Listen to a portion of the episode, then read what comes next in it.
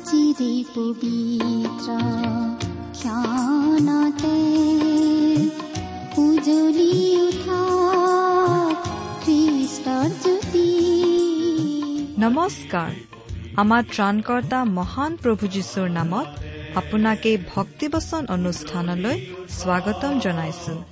এয়া মুকলি কৰিছো ঈশ্বৰৰ জীৱিত বাক্যৰ ধাৰাবাহিক অনুষ্ঠান ভক্তিবচন।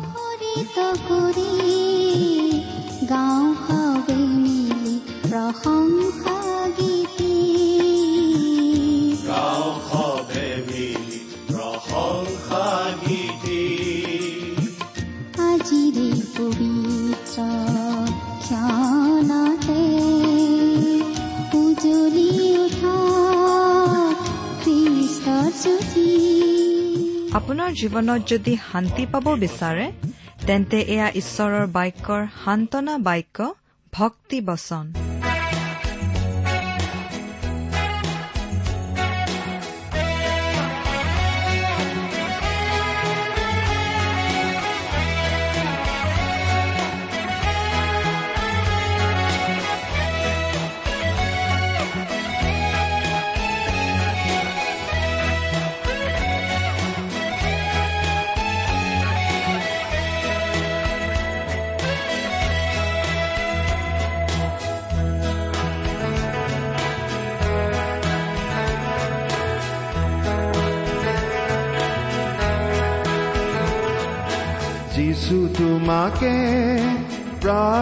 প্ৰাৰ্থিছো আজি কাতৰে মাতিছো আজি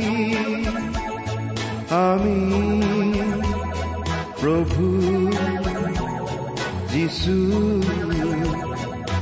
যিছু তোমাকে প্ৰাৰ্থিছো আজি কাতৰে মাতিছো আজি আমি প্ৰভু আমাৰ মহান ত্ৰাণকৰ্তা প্ৰভু যীশুখ্ৰীষ্টৰ নামত নমস্কাৰ প্ৰিয় শ্ৰোতা।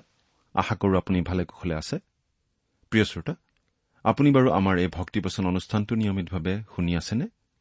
এই অনুষ্ঠান সম্বন্ধে আপোনাৰ মতামত আদি জনাই আমালৈ চিঠি পত্ৰ লিখিছেনে বাৰু? অনুগ্ৰহ কৰি আজি এই দুখাৰিমান লিখি পঠিয়াবচোন। আমাৰ যোগাযোগৰ ঠিকনা ভক্তিবচন টি ডব্লিউ আৰ ইণ্ডিয়া ডাক বাকচ নম্বৰ সাত শূন্য গুৱাহাটী সাত আঠ এক শূন্য শূন্য এক। ভক্তিবচন T W R India post box number seventy Guwahati seven eight one zero' zero' one. আমাৰ website W W W dot radio' eight eight two dot com আহকচোন আজিৰ বাইবেল অধ্যয়ন আৰম্ভ কৰাৰ আগতে খন্তেক প্ৰাৰ্থনাত মূৰ দুৱাওঁ আমি প্ৰাৰ্থনা কৰো। স্বৰ্গত থকা অসীম দয়ালু কৰুণাময় পিতা তোমাৰ তুলনা নাই। তোমাৰ প্ৰেম তোমাৰ কৰুণা তোমাৰ অনুগ্ৰহৰ কথা আমি বৰ্ণনা কৰি শেষ কৰিব নোৱাৰো। প্ৰভু যীশুৰ যোগেদি তুমি আমালৈ যি অনুগ্ৰহ দেখুৱালা তাৰ বাবে তোমাক অশেষ ধন্যবাদ পিতা। এতিয়া আমি তোমাৰ মহান বাক্য বাইবেল শাস্ত্ৰ অধ্যয়ন কৰিবলৈ আগবাঢ়িছো। তোমাৰ বাক্য তুমিয়েই আমাক বুজাই দিয়া। এই অনুষ্ঠানৰ আৰম্ভণিৰ পৰা শেষলৈকে তুমিয়েই আমাৰ চলাওঁতা হোৱা। অনুষ্ঠান শুনি থকা প্ৰতিজন শ্ৰোতাৰ জীৱনত তোমাৰ মহান অনুগ্ৰহৰ আশীৰ্বাদ প্ৰকাশ পাই উঠিবলৈ দিয়া। কিয়নো এই প্ৰাৰ্থনা আমাৰ মহান ত্ৰাণকৰ্তা প্ৰভু যীশুখ্ৰীষ্টৰ নামত আগবঢ়াইছো। আমেন।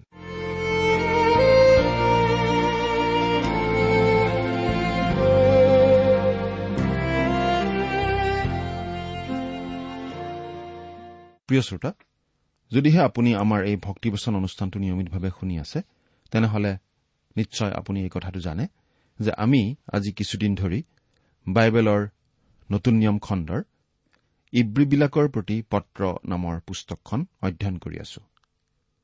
যোৱা অনুষ্ঠানত আমি এই ইব্ৰী পুস্তকৰ আঠ নম্বৰ অধ্যায়ৰ শেষৰটো পদলৈকে পঢ়ি আলোচনা আগবঢ়াইছিলো। গতিকে আজি আমি ইব্ৰী পুস্তকৰ ন নম্বৰ অধ্যায়ৰ এক নম্বৰ পদৰ পৰা আমাৰ আলোচনা আৰম্ভ কৰিব খুজিছো। এই ইব্ৰী পুস্তকখনত আমি আলোচনা কৰি থকা মূল বিষয়টো আচলতে এইটোৱেই যে প্ৰভু যীশু আমাৰ শ্ৰেষ্ঠ আৰু নিত্য মহাপুৰোহিত। তেওঁ মলকিছেদকৰ আৰ্হিৰ মহাপুৰোহিত। ইয়াত আমাৰ আগত দুটা পৰিচৰ্যাৰ কথা কোৱা হৈছে যি দুটা সম্পূৰ্ণ বেলেগ ধৰণৰ।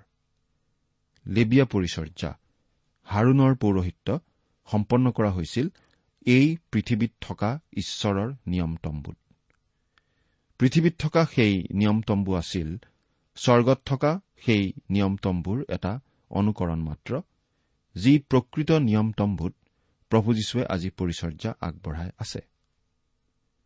স্বৰ্গত থকা এই নিয়ম তম্বুৱে শ্ৰেষ্ঠ উপাসনাৰ সুবিধা আগবঢ়ায়।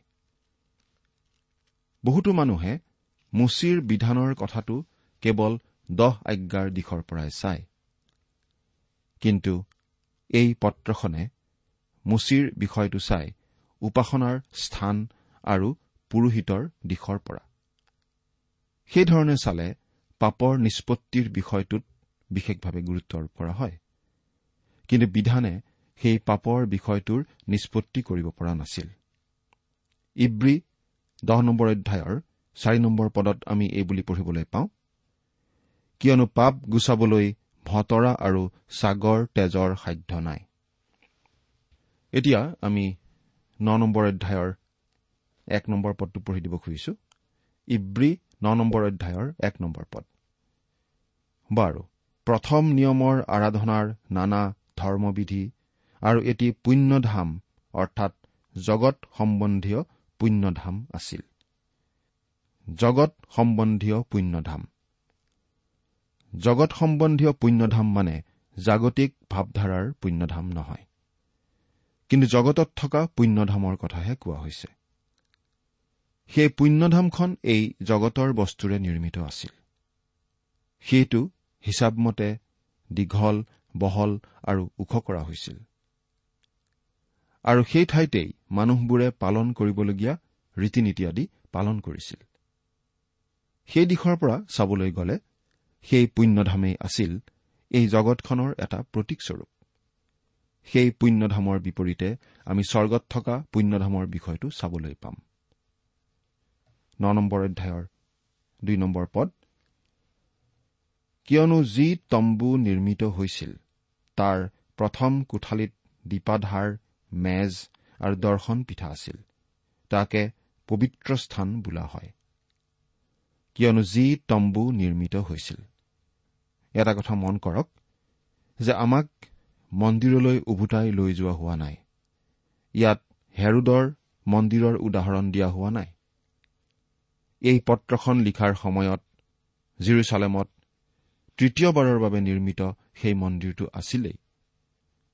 কিন্তু পত্ৰখনৰ লিখকে উদাহৰণ দি বুজাবলৈ যাওঁতে সেই মন্দিৰটো উদাহৰণ হিচাপে লোৱা নাই।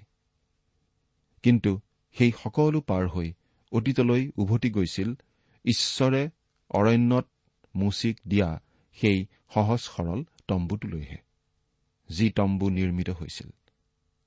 আৰু এই তম্বু নিৰ্মিত হৈছিল এই জগতৰ বস্তুৰে। এইটো স্বৰ্গত থকা প্ৰকৃত পুণ্যধামৰ আৰ্হিৰে সজোৱা হৈছিল। কিন্তু আমি দেখা পাম যে ই বহুতো দিশত নিকৃষ্ট আছিল।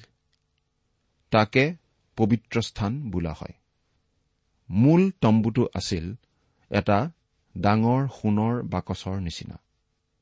ত্ৰিশ হাত অৰ্থাৎ পঞ্চল্লিছ ফুট দীঘল দহ হাত বহল আৰু দহ হাত ওখ।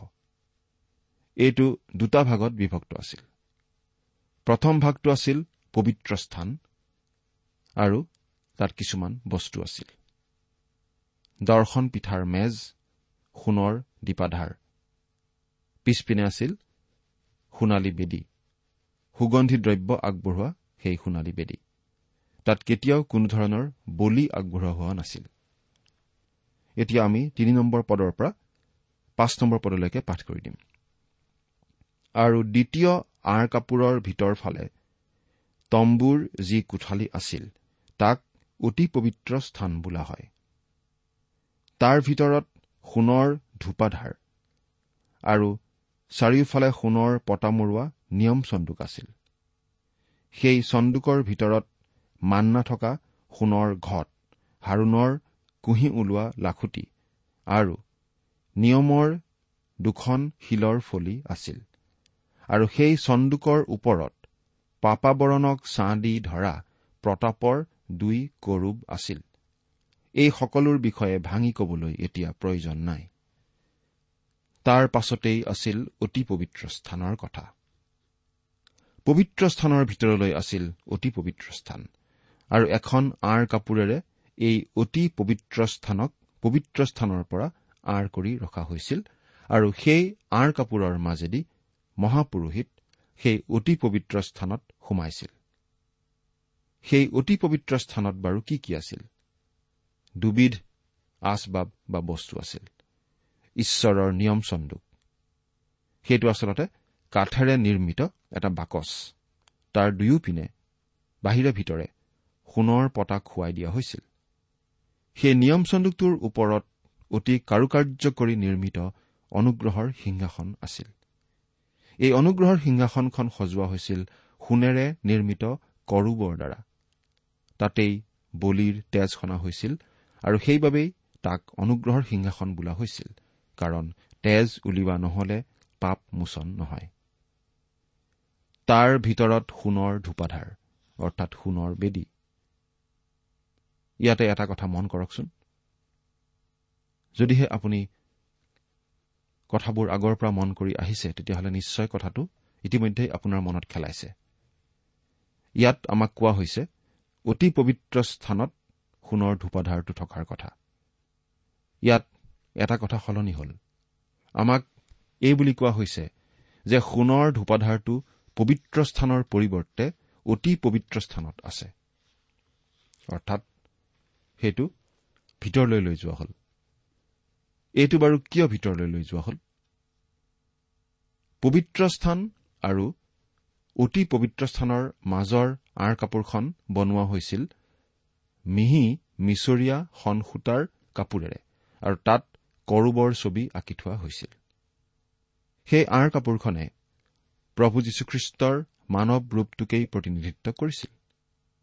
যেতিয়া প্ৰভু যীশুখ্ৰীষ্টই ক্ৰুচত মৃত্যুবৰণ কৰিলে তেওঁ নিজৰ প্ৰাণ দিলে তেওঁৰ মানৱীয় জীৱন দিলে সেই সময়ত সেই আঁৰ কাপোৰখন দুভাগত বিভক্ত হৈ গ'ল। গতিকে দুভাগত বিভক্ত হোৱা সেই আঁৰ কাপোৰখন গুচাই পেলোৱা হ'ল। অৰ্থাৎ ঈশ্বৰলৈ যোৱাৰ বাট মুকলি হ'ল। কাৰণ প্ৰভু যীশুখ্ৰীষ্টই সেই বাট মুকলি কৰিলে। সেইবাবেই প্ৰভু যীশুখ্ৰীষ্টই এই বুলি কৈছিল ময়েই বাট সত্য আৰু জীৱন। মোৰ যোগেদি নগলে কোনো মোৰ পিতৃৰ ওচৰলৈ নাযায়। সেই আঁৰ কাপোৰ ফালি পেলোৱা হ'ল। আৰু আজি আমি একেবাৰে ঈশ্বৰৰ উপস্থিতিলৈ যাব পৰা হলো। কিন্তু সেই সোণৰ ধূপাধাৰটো অৰ্থাৎ সোণৰ বেদীটোৰ কি হ'ল? সেইটো অতি পবিত্ৰ স্থানলৈ নিয়া হ'ল। মহাপ্ৰায়চিত্ৰৰ দিনা মহাপুৰোহিত হাৰুণে সেই অতি পবিত্ৰ স্থানৰ ভিতৰলৈ সোমাইছিল পাপাবৰণত বলিৰ তেজ সানিবলৈ। আৰু তেতিয়া তেওঁ সোণৰ ধূপাধাৰটো লগত লৈহে সোমাইছিল। তাত জ্বলা অঙঠা আৰু ধূনা দিছিল। সেইটো লগত লৈ তেওঁ অতি পবিত্ৰ স্থানত প্ৰৱেশ কৰিছিল। অৰ্থাৎ তেওঁ সেই ধূপাধাৰটো অতি পবিত্ৰ স্থানলৈ স্থানান্তৰ কৰিছিল। কিন্তু ভিতৰৰ পৰা ওলাই আহিবৰ সময়ত তেওঁ সেই সোণৰ ধূপাধাৰটো আকৌ লগত লৈ ওলাই আহিছিল। পিছৰ বছৰ ভিতৰলৈ সোমাওঁতে আকৌ তেওঁ সেইটো লগত লৈ গৈছিল। আকৌ তাৰ পৰা ওলাই আহোঁতে সেইটো উলিয়াই লৈ আহিছিল। কিন্তু আজি কথাটো বেলেগ হ'ল। আজি আমাৰ এজন মহাপুৰোহিত আছে যিজন আমাৰ বাবে মহান নিবেদক। তেওঁ অনবৰতেই সোণালী বেদীত আমাৰ বাবে নিবেদন কৰি আছে। তেওঁ এবাৰতেই আমাৰ সকলোৰে হৈ প্ৰতিজন খ্ৰীষ্টীয় বিশ্বাসীৰ হৈ সেই অতি পবিত্ৰ স্থানত প্ৰৱেশ কৰিলে। তেওঁ এতিয়াও তাতেই আছে। তেওঁ আমাৰ বাবে অনবৰতে সেই সোণালী বেদীত নিবেদন জনাই আছে। তেওঁৰ প্ৰাৰ্থনা কেতিয়াও অথলে নাযায়। গতিকে সোণালী বেদীটো ভিতৰতে আছে। সেইটো বাহিৰতো আছে কাৰণ আজি প্ৰাৰ্থনাৰে আমি তেওঁৰ কাষ চাপিব পাৰোঁ। পাচনি পৌলে এই বুলি কৈছে এইকাৰণে আমি বিশ্বাসৰ দ্বাৰাই ধাৰ্মিক বুলি গণিত হোৱাত আমাৰ প্ৰভু যীশুখ্ৰীষ্টৰ দ্বাৰাই ঈশ্বৰে সৈতে আমাৰ শান্তি আছে। আৰু যি অনুগ্ৰহত থিৰে আছো বিশ্বাসেৰে তেওঁৰ দ্বাৰাই সেই অনুগ্ৰহৰ ভিতৰলৈ সোমাবলৈ পাই ঈশ্বৰৰ মহিমাৰ ভাগি হবৰ আশাৰে উল্লাস কৰোঁ হওক। ৰুমিয়া পাঁচ নম্বৰ অধ্যায়ৰ এক আৰু দুই নম্বৰ পদ। সেই নিয়ম চন্দুকটোৰ ভিতৰত থকা সামগ্ৰীবোৰৰো তালিকাখন আমাক ইয়াত দিয়া হৈছে। মান্না থকা সোণৰ ঘট। এইটোৱে খ্ৰীষ্টৰ বৰ্তমান পৰিচৰ্যাৰ কথা আমাক বুজাইছে। তেওঁ নিজৰ লোকবিলাকক আহাৰ খুৱায়। তেওঁ তেওঁলোকক তেওঁৰ বাক্য ভোজন কৰায়। তেওঁ জীৱনৰ আহাৰ। বাইবেলখন আচলতে ঈশ্বৰৰ বেকাৰীৰ নিচিনা। আমাক যদি আম্মিক ৰুটি লাগে আমি তালৈকেই যাব লাগে। হাৰুণৰ কুঁহি ওলোৱা লাখুটি। এইটোৱে খ্ৰীষ্টৰ মৃত্যু আৰু পুনৰুত্থানক বুজায়। কাৰণ সেই শুকান মৰা লাখুটিডালতেই কুঁহি ওলাইছিল। আৰু নিয়মৰ দুখন শিলৰ ফলি। এই কথাটোৱে আমাক জনায় যে প্ৰভু যীশুখ্ৰীষ্টই আমাৰ সকলোৰে হৈ সকলোবোৰ বিধান পালন কৰিলে। এই সকলোবোৰ ভাঙি কবলৈ এতিয়া প্ৰয়োজন নাই। আচলতে সেই নিয়মতম্বুৰ বিষয়টো আলোচনা কৰি থাকিবলৈ ইব্ৰী পত্ৰৰ লিখকজনে আৰু বিচৰা নাই। কাৰণ তেওঁ পৌৰহিত্য আৰু স্তুতি প্ৰাৰ্থনাৰ বিষয়টোহে বেছিকৈ এতিয়া ব্যাখ্যা কৰিব খুজিছে বা তাৰ ওপৰতহে বেছি সময় নিয়াব খুজিছে। প্ৰকৃত আৰাধনা কি আৰু আমি কেনেদৰে প্ৰকৃত আৰাধনা কৰিব লাগে সেই কথাটোহে তেওঁ জনাব খুজিছে। ছয় নম্বৰ পদ এইদৰে সেইবোৰ নিৰ্মিত হলত পুৰোহিতসকলে আৰাধনাৰ কাৰ্য সিদ্ধ কৰিবলৈ প্ৰথম কোঠালিত সদায় সোমায়। আৰাধনাৰ কাম সিদ্ধ কৰিবলৈ। আচলতে আমি এই বুলি ক'ব পাৰোঁ যে আৰাধনাৰ কাম সিদ্ধ কৰি কৰি সেই সকলোবোৰ বিধি ব্যৱস্থাৰ আচল উদ্দেশ্য এইটোৱেই আছিল। ঈশ্বৰৰ লোকসকলে যাতে তেওঁৰ প্ৰকৃত আৰাধনা কৰিব পাৰে। প্ৰকৃত আৰাধনাৰ কথাহে আমি কৈছো। এটা গতানুগতিক থাঁচত গীৰ্জাঘৰত উপাসনা চলোৱা কথাটো আমি কোৱা নাই। কোনো এটা উপাসনাক আমি তেতিয়াই প্ৰকৃত উপাসনা বুলি ক'ব পাৰোঁ যেতিয়া খ্ৰীষ্টৰ উপস্থিতিলৈ যাব পাৰোঁ আৰু যি উপাসনাই আমাক খ্ৰীষ্টৰ ওচৰ চপাই নিয়ে আৰু আমাৰ অন্তৰত তেওঁৰ প্ৰতি ভক্তি আৰু আদৰৰ ভাৱ জাগে। ইংৰাজীত ৱৰশ্বিপ অসমীয়াত আৰাধনা।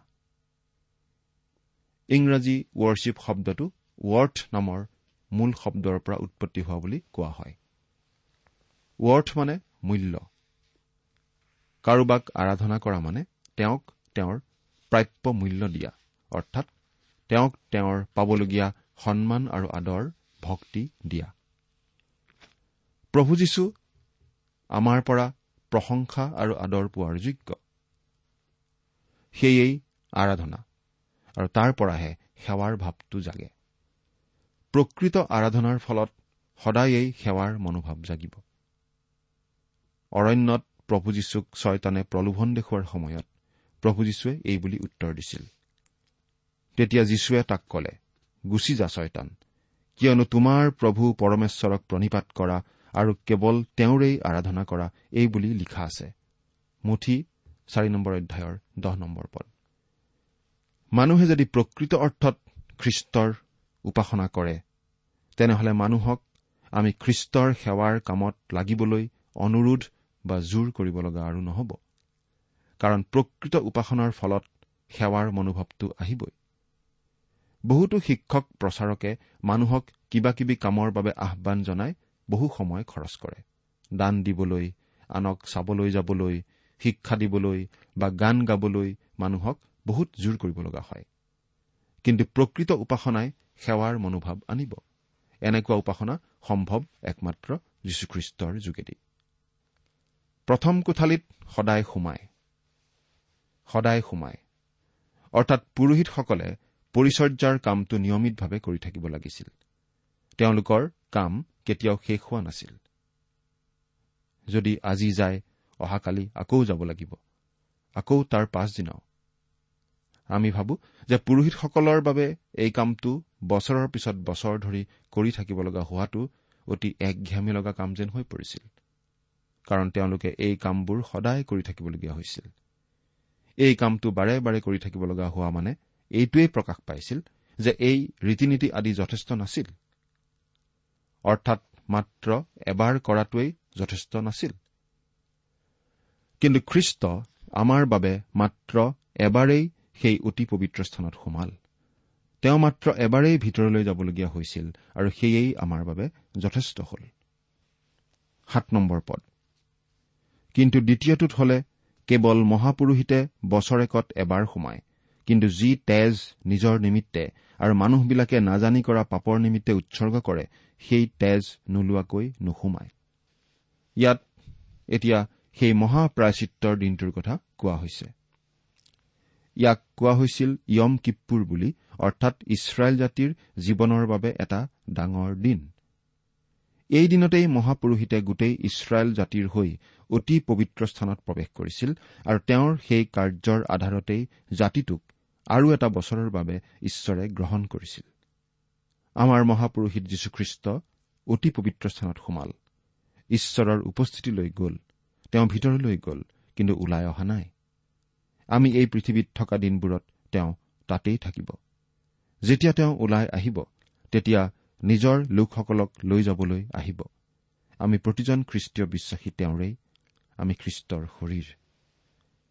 এই সকলোখিনিৰ উদ্দেশ্য হৈছে প্ৰভু যীশুৰ উপস্থিতি আমাৰ হৃদয়ত বাস্তৱ কৰি তোলা। আপুনি বাৰু তেওঁক লৈ আপোনাৰ দিনটো আৰম্ভ কৰেনে? এইখন অতি ব্যস্ত জগত সময় নাই। তেওঁৰ বাবে জগতৰ সময় নাই। দিনটোৰ ব্যস্ততাৰ সময়ত তেওঁ আপোনাৰ লগত থাকেনে? আপুনি বাৰু তেওঁৰ আৰাধনা আজি কৰিলেনে? তেওঁক আৰাধনা কৰিবলৈ আমি গীৰ্জাঘৰলৈ নগলেও হ'ব। কিন্তু যাব নালাগে বুলি আমি ক'ব খোজা নাই। বৰং আমি খ্ৰীষ্টীয় বিশ্বাসীসকলৰ সৈতে নিয়মিতভাৱে সহভাগিতা ৰাখিবহে লাগে। সেইবুলিয়েই এই পত্ৰখনত আমাক উদগোৱা হৈছে।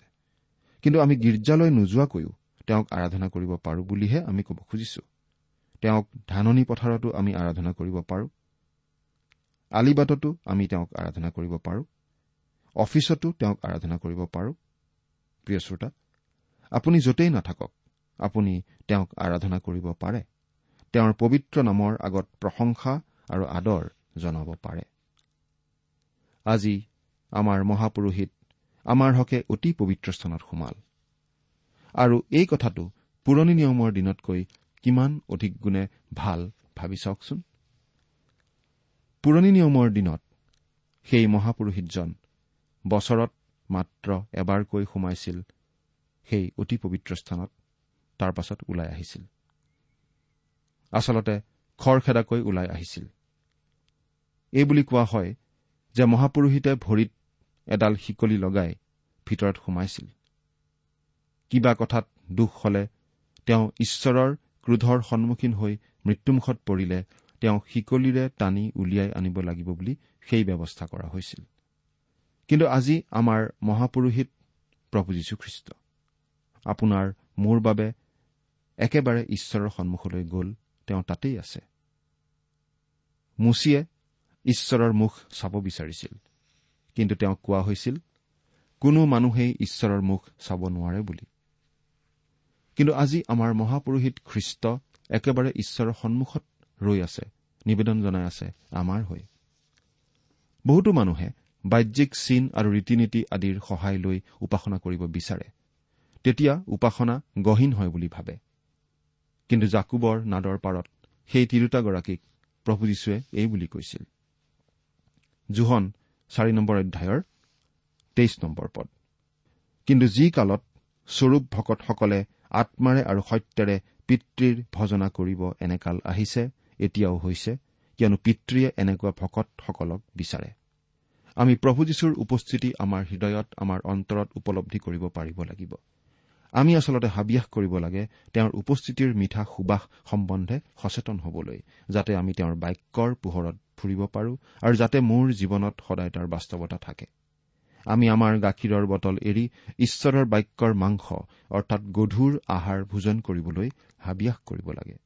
সেই জীৱন্ত খ্ৰীষ্টৰ উপস্থিতিলৈ আমি আহিব লাগে যিজন আমাৰ মহান মহাপুৰোহিত। স্বৰ্গত থকা সেই শ্ৰেষ্ঠ নিয়ম তম্বুত যিজনাই আমাৰ হকে নিবেদন জনাই আছে। সেই জীৱন্ত খ্ৰীষ্টক আজি আমি প্ৰকৃত আৰাধনা আগবঢ়াব পাৰো। তেওঁক আপুনি বাৰু আপোনাৰ জীৱনৰ মহাপুৰোহিত হিচাপে গ্ৰহণ কৰিছেনে? ঈশ্বৰে আপোনাক আশীৰ্বাদ কৰক। আহমেন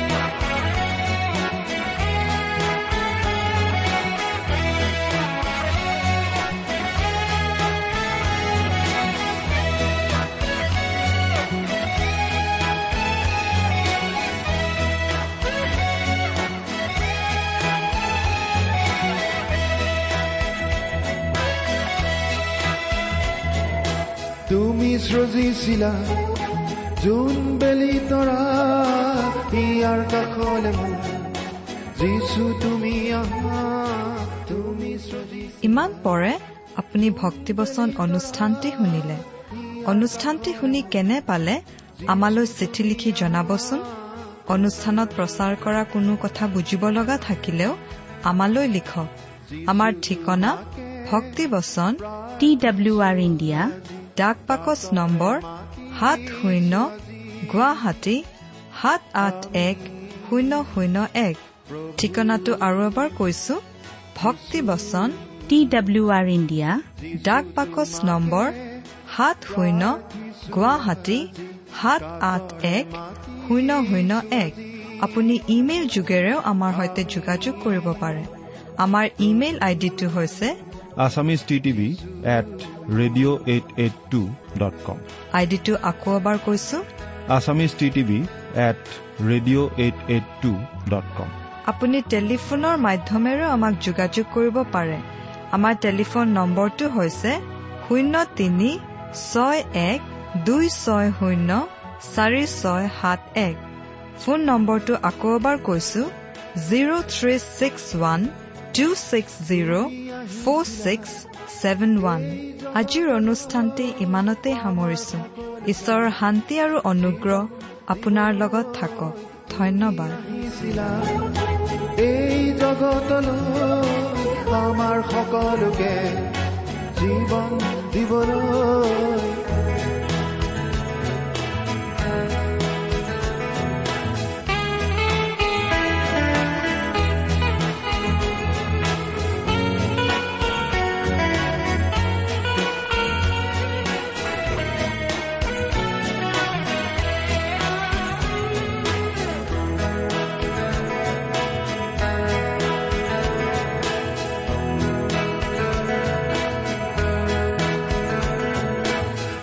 তোমাৰ প্ৰেমৰ কথা।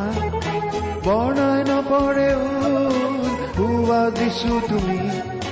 চিৰ দিনে মোৰ তোমাৰ প্ৰেমৰ কথা। বৰ্ণাই নপৰে হোৱা দিছো তুমি। চিৰ দিনে মোৰ